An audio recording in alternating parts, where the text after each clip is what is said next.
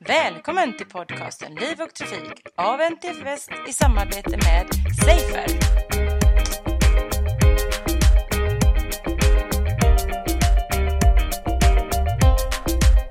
Liv och Trafikbåden träffar idag Åsa Sandberg som är initiativtagare till Nudging Sweden och eh, som idag jobbar under egen regi med samma sorts frågor.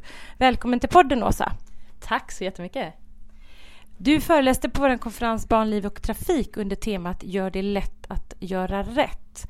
Och då pratade du om någonting som kallas för nudging. Eh, vad är nudging för någonting? Nudging är en metod inom beteendevetenskapen och eh, den syftar till att skapa ytterligare valmöjligheter för individen. Det gör man genom att ändra eller justera i det som vi kallar för valarkitektur, alltså den miljö där vi som individer fattar beslut. Vi fattar ju val hela tiden. Det kan vara framför datorn, det kan vara när vi går till jobbet eller kommer hem eller liknande. Så att man gör små justeringar i den miljön och då kan man knuffa människor i en riktning, att påverka deras val eh, genom olika, olika metoder helt enkelt, insikter mm. kring hur vi beter oss som människor. Så det, kan, det, är en form av påverkan och det verkar som att det är en påverkan på ett vänligt sätt om jag förstår det rätt?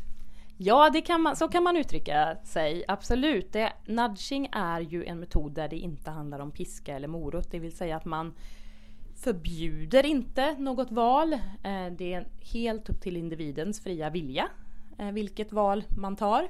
Ehm, det är ofta ett komplement till redan befintliga incitament som kan vara lagar, regler, skatter, vad det nu kan vara för någonting, kommunikationskampanjer. Utan det, det här är ehm, um, människans fria vilja. Man bara knuffar människor i kanske en alternativ riktning än vad de hade tatt, tänkt att ta från början. Mm. Ja, för det är ju så. Alla gör vi ju saker som, inte, som vi kanske inte är medvetna om. Och vi kanske vet att de inte är så bra om vi nu är medvetna om dem. Men, men eh, vi fortsätter att göra dem ändå. Um, är det det som är tanken då att man ska få folk att förstå att det här inte är bra eller är det bara för att ändra på själva beteendet? Ja, nudging handlar om att ändra beteendet. Eh, det handlar inte så mycket om att påverka människans attityd. Sen hänger de ju ganska mycket ihop. Det vill säga att ändrar man beteendet tillräckligt många gånger så kan det ju faktiskt bli så att attityden också påverkas. Mm. Men det här handlar om att ge människor ett alternativt val i den specifika situationen.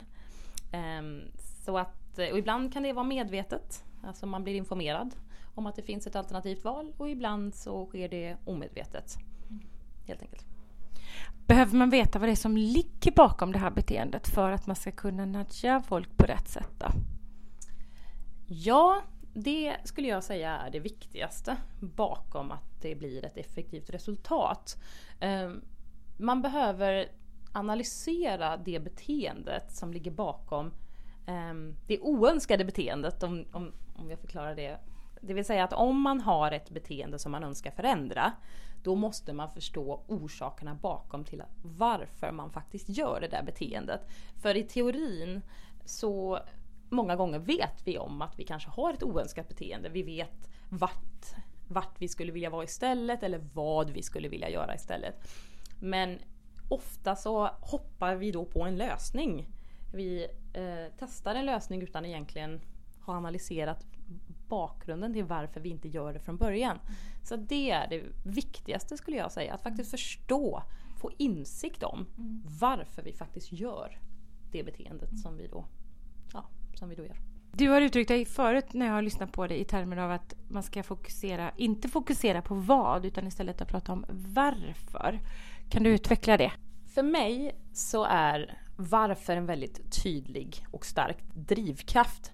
Jag skulle inte säga att det är huvudanledningen till att man förändrar ett beteende. Det finns många andra aspekter på det. Men vi fokuserar ofta på vad och hur vi ska göra. Så glömmer vi varför, alltså den bakomliggande motivationen och drivkraften till varför vi faktiskt ska ändra vårt beteende. Eh, det vill säga, om jag borde i teorin, jag vet att jag borde gå och träna varje vecka. För det vet jag att det har jag läst mig till och um, är allmänbildad nog att veta att det är en smart grej. Um, det jag sover bättre och jag lever bättre och jag äter bättre och hela, hela baletten liksom. Ehm, då behöver jag också motivera mig. För att jag ska gå och träna så behöver jag förstå varför jag ska gå och träna. Inte bara att samhället säger till mig att det är en bra grej. För att jag faktiskt ska ta mig ur soffan Mm. och gå och träna så behöver mitt varför vara så pass starkt att jag faktiskt gör det. Mm. Det kan inte vara någon annan som säger till mig att jag ska göra det. Det måste finnas en stark motivatorfaktor helt enkelt då. Ja, det måste det finnas. Och jag, om jag kopplar det till de frågorna som jag har arbetat med de senaste åren, det vill säga hållbara beteenden. Eh, då räcker det inte med att eh, vi genom mediala kanaler eh, får reda på att klimatförändringarna stundar och att, att världen ser ja, men lite tokig ut. Eller ja, vi, vi, vi vet att det finns en påverkan av klim- på klimatet. Ehm, för att vi ska göra den förändringen så måste vi hitta den individens motivationskraft, alltså den individens varför ehm, till den, det förändrade beteendet. Och om när jag föreläser till exempel så kanske det sitter en grupp på 100 personer i publiken. Det kanske är 80 olika varför. 80 olika påverkanskrafter eller motivationskrafter i den publiken. Och om jag då som organisation eller företag ska kommunicera ett förändringsbudskap. Då räcker det ju inte med att jag bara har ett varför eh, till den förändringen. Jag måste verkligen ta in flera spektran. Eh, och, på, och, och prata på flera människors språk eller flera människors varför. För att få med mig den stora massan. Så man måste alltså försöka hitta många varför. Det är det egentligen du säger då. Många människors varför för att kunna lyckas ordentligt med nudge. Ja, man måste i alla fall vara medveten om att alla människor är inte en klunga. Det finns olika drivkrafter bakom människors beteenden och varför de gör dem. Så man måste vara väldigt medveten om det när man jobbar med kommunikation eller förändringsarbete och då, som i detta fallet, ska förändra människors beteende till att bli mer hållbara eller vad det nu kan vara. Um, så, att, så att det skulle jag säga, man måste bli medveten om att det finns olika drivkrafter bakom människans beteende. Men kan du berätta om någon lyckad nudge? Har du någon nudge som du kan beskriva så att våra lyssnare förstår vad en nudge egentligen kan vara för någonting? Absolut. Um, en av de mest kända nudgarna skulle jag säga gjordes på Choice Hotels och eh, handlade om eh, matsvinn. Man tittade på eh, bufféerna på hotellerna och det är ju någonting med oss människor. När vi bor på hotell så har vi alltid större magar än vad vi annars alltid har. Vi plockar på så mycket mat så det är inte sant. Så det man gjorde var att eh, helt enkelt minska tallriksstorleken några centimeter. Ehm, det vill säga man, man gjorde tallriken mindre men man förbjöd inte människor att ta mer än en gång. Utan man bara minskade tallriksstorleken och lät människor gå fler gånger. När man sedan mätte så minskade det matsvinnet på 20, med 20% och om detta skulle implementeras då i alla de choicehotellen som finns i Norden så räknade man faktiskt fram att det skulle sparas eh, en, alltså man skulle spara in nästan 31 miljarder norska kronor. Vilket ju är en otrolig besparing med en ganska liten insats. Och en otroligt bra besparing för miljön också, om man nu ska resonera på det sättet. Ja, det får man ju verkligen, verkligen säga. Och även för människors eh, samvete, som man vill ju inte slänga mat. Eh, och det finns, ju, det finns ju otaliga studier på olika nudgar som har, som har framgångsrikt implementerats. Mm. Man gjorde också en studie i Köpenhamn där man tittade på nedskräpning och man delade ut små karameller, jag tror det var tuggummin, i så här engångsförpackningar och tittade på människors beteende kring nedskräpning. Och eh, i början av studien så strösslades ju det där pappret överallt, liksom på gator och torg och i cykelkorgar och sådär. Och eh, när man sen gjorde, eh, gjorde själva studien, eller genomförde själva experimentet, så ritade man gröna fotsteg mot soptunnorna. Och det kan ju tyckas så enkelt och man kan ju också tänka på vad materialkostnaden var i det experimentet. Väldigt låg. Men det minskade då nedskräpningen med hela 50 procent. Ehm, så att nudging handlar ju också om insikten att vi människor inte alltid fattar logiska beslut. Vi vill ju väldigt gärna tro att vi är så rationella vi människor hela tiden. Det är vi inte. De flesta av de besluten som vi fattar är ju icke-rationella. Vi eh, på Liv och Trafikpodden är ju eh, lite trafiknördar och vi eh, är ju intresserade av hur man kan använda detta, denna påverkansmetod inom trafiken. När du var hos oss på konferensen i, eh, i mars så visade du en film om eh, hur man hade gjort med lite tejp för att markera för att skilja vägarna åt från, från, för cyklister och för gångtrafikanter. Kan du berätta lite om den? Ja, det är ju mina branschkollegor i, i Danmark, I Nudge You, eh, som gjorde den här, eh, den här fantastiska nudgen. De var ju egentligen bara ute som jag förstod det rätt. Jag har inte pratat om dem med det här, om de här jag har bara sett filmen. Men, men de var ju bara ute och såg det här, eh, det här, det här problemet som då var i en korsning, en trafikkorsning. Där eh, man höll på med någon typ av vägarbete. Och det vill säga ett jag tror det var cykelbanan som liksom hade blivit väldigt eh, förminskad i storlek. Eh, det vill säga det var inte lika enkelt att liksom samsas som trafikant och eh, cyklist i just den här korsningen. Så att ehm, det var stor risk för krock ehm, i just den korsningen. Och eh, då gjorde de helt enkelt så att de använde lite tejp och delade upp den här vägbanan som fanns i två genom att sätta tejp och det hade vi ju människor kunnat göra ändå på något sätt. Men det, det visade sig att det var så effektivt så att helt plötsligt så såg vi ett visuellt streck som delade den här körbanan, eller förlåt, väg, vägbanan i två. Och då funkade det alldeles utmärkt för då var cyklisterna på ena delen och gångtrafikanterna på den andra delen. Um, och det är en väldigt enkel nudge. Mm. Det var bara ett visuell, en visuell tejp i mitten som behövdes. Mm. Eh, ja, det där var en riktigt bra nudge. Det, det tycker vi också som såg den här. Ehm, men ett stort problem i trafiken är ju hastigheten som skördar väldigt många liv. Finns det något sätt man skulle kunna använda nudging för att få folk att faktiskt följa hastighetsgränserna? Vad tror du? Ja, men det pratas ju en del om, om ehm, jag, jag, tror att det är Portugal som man har eh, på, mot, på väggrenen eller om man åker på en väg så har man en pop-up eh, polis liksom, som bara poppar upp. Eh, vägkulor kan ju också vara en typ av nudge eller till viss del kanske också trafikkameror som, som ju också får en att begränsa. Där har vi ju dock ett, ett lagligt eh, eller förlåt, eh, Trafikkameror kan man ju också diskutera om det är en nudge eller inte men där får man ju faktiskt en bot. Det vill säga det finns ett ekonomiskt incitament att köra lagligt. Mm. Um, så att um, Det kanske jag inte skulle klassa som en nudge per se då men, men uh, de här pop-up poliserna eller vad det nu skulle kunna vara för någonting. Um, det finns ju också på vägrenen små alltså inte små det finns på vägrenen små displayer ibland som lyser att nu kör du för fort. Du kör i 60 istället för 50 till exempel men det är ingen Du får ingen bot utan den bara visar eh, att sakta ner. Det är fullt eh, möjligt för mig att strunta i den.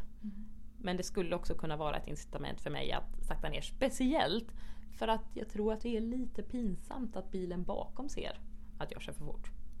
Jag skulle precis säga det, ofta så känner man ju sig lite skyldig när man ser att den där skylten börjar blinka och då, då saktar man ju ner. Så det här, det är alltså en form av nudge, de här skyltarna som, som börjar visa att nu kör du för snabbt. Ja, jag skulle ju säga det. Sen har ju inte jag gjort någon studie på det eller um, analyserat beteendet bakom det. Men jag skulle ju säga att det, utan att ha mätt effekten av de här skyltarna till exempel, är en typ av nudge. Men vad, vilka utmaningar ser du för övrigt med att använda nudging inom trafiksäkerhetsarbetet? Är det svårare att göra det i, um, om man jämför med inom hållbarhets och miljöpåverkan? En av de stora utmaningarna när det kommer till nudging är ju att man inte har så många studier ännu som eh, visar på den långvariga effekten av nudging. Eh, nudging är ju ett begrepp som har blommat upp de senaste 8, 9, 10 åren eh, på eh, både på hållbarhetsagendan men även generellt. Det kom en bok 2008 som heter Nudge som egentligen var starten på det movementet kan man säga. Så att ännu så länge har vi ju inte så mycket studier som visar på den långvariga effekten av nudging. Det vill säga när är det inte längre nudge? När, när struntar vi i att gå i den där alternativa riktningen? Om man tittar på trafiksäkerhet så skulle jag nog säga generellt att, eh, att det är nog inte svårare än att jobba med hållbarhetsfrågor utan det handlar ju mer om att man ska ha access till data och man ska verkligen kunna noga analysera och studera människors beteenden. Så det, hand, det, handlar ju mer om res, en resursfråga skulle, skulle jag säga. Eh, och att faktiskt förstå vad insikten om hur människor faktiskt beter sig skulle kunna göra trafiksäkerheten mer, mer effektiv kanske då. Eh, mm. Här, här känns det som att då är varför ett väldigt viktigt att ha med sig i det här fallet då. Ja, om man tittar på varför så, så finns det nog flera lager, tror jag, i det. Att um, du kan ju sitta i en bil med dina barn till exempel och ändå köra för snabbt. Då kanske du har ett varför som handlar om jag måste till punkt A så fort som möjligt av någon anledning. Men det borde kanske finnas ett, och då kör man för snabbt, men det borde kanske finnas ett varför som handlar om vilka du har i baksätet där. Att du har två barn i baksätet. Sakta ner. Det borde vara ett mycket starkare varför. Det kanske vi glömmer av där då, mitt i stressen. Mm. Um, så att det handlar nog också om att påminna människor om ett djupare varför. Allt handlar ju också om information och påminnelse och ja, kommunikation kanske. Mm. Men nudging känns ju som ett väldigt positivt sätt att påverka folk och göra någonting i en positiv riktning. Men i vår förra podd så pratade vi med eh, filosof från Chalmers och han tog upp eh, dilemmat att om man påverkar folk i en viss riktning till ett beteende som vi tror är positivt eller som vi, som vi anser är bra och så händer någonting, något, något otrevligt som i det här fallet, vi jobbar med trafiksäkerhet, vi påverkar folk till att göra på ett speciellt sätt och så händer en olycka. Vem är syndabocken då? Vem är det som får bära skulden för det här? Jag tänker att trafiksäkerhet och eh, de incitamenten som vi gör för att påverka människor att köra mer säkert. Ehm, det finns ingenting som är negativt i det ehm, i det beteendet eller i den påverkanskraften. Vi vill ha en säkrare trafik. Om det händer en olycka ändå ehm, så, så ser jag det ändå som att det borde inte vara nudgingens fel. Utan där handlar det mer om ja, trafikvett eller, eller vad det kan vara för bakomliggande orsaker som är, ligger bakom olyckan. Den kanske inte har så mycket med nudgingen att göra i sig. Utan vi påverkas ju varje dag eh, av olika saker, olika val, det kan vara reklam eh, och liksom det är ett evigt brus till eh, vilka val vi ska ta. Och om man gör nudging som handlar om att vi ska köra mer trafiksäkert och det ändå händer en olycka så tror jag att det, eller så här, jag om det ändå händer en olycka så kommer det vara andra saker än nudgingen som ligger bakom den olyckan. Vad det nu är lämnar jag ju naturligtvis upp till, ja, upp, upp till det enskilda fallet. Men eh, nudgingen bör ju inte vara så att man bidrar till att det ska ske en olycka. Vilket beteende i trafiken tycker du skulle kunna behöva en nudge? Har du någonting som du tänker på? Och då när vi pratar trafik så pratar vi inte bara bilkörning och, och utan vi, vi räknas ju även som trafikanter när vi är gående, när vi cyklar. Åh, vilken bra fråga. Um, det finns ju många, tänker jag spontant. Att vi ska stanna på rödljuset, att vi ska cykla mer. Eh, än att kanske ta den där bekväma bilturen när det egentligen inte behövs. Det skulle jag ju säga för mig är ju det en av de största eh, eh, liksom påverkanskrafterna som jag skulle vilja, eller på, Jag skulle också vilja säga att cykla till till exempel jobbet eller liknande när det är kortare sträckor. Vi behöver inte ta den där bekväma bilen. För mig är det en sak som, man, som jag skulle vilja jobba med. Och eh, ja, att inte köra de där onödiga sträckorna helt enkelt. Gå eller cykla eller använda någon annan typ av färdmedel istället för att ta den där onödiga bilen, den där onödiga sträckan. Mm. Så skulle jag ju säga. Där, där tycker jag är något man skulle kunna nudga. Och hur ska vi då tänka när vi bygger nya städer eller större städer? Göteborg växer ju otroligt mycket nu och hur ska vi tänka i, när, vi bygger, när vi bygger stan? Superintressant fråga. Jag, jag ser ett potential, eller jag ser en jättepotential i att använda beteendeinsikter och nudging när man nu utvecklar och bygger nya städer. Speciellt då när, man pratar trafiksäkerhet. Just hur beter sig människor så att man jobbar preventivt, det vill säga förebyggande. Innan man bygger hela stan. Hur kan man bygga rätt från början? Eh, utifrån hur människor faktiskt beter sig. Så att göra analysen, titta på insikter från olika delar av världen där man har gjort liknande studier och ta lärdom från det innan man bara bygger på och utvecklar. Så bygg utifrån hur vi människor faktiskt beter oss. Um, inte bara som man brukar göra. Då tackar vi dig så hjärtligt för din medverkan i Liv och Trafikpodden. Tack så mycket. Stort tack. Det var allt från Liv och Trafikpodden för den här gången. Jag heter Anna Svedestam och tack för att du har lyssnat.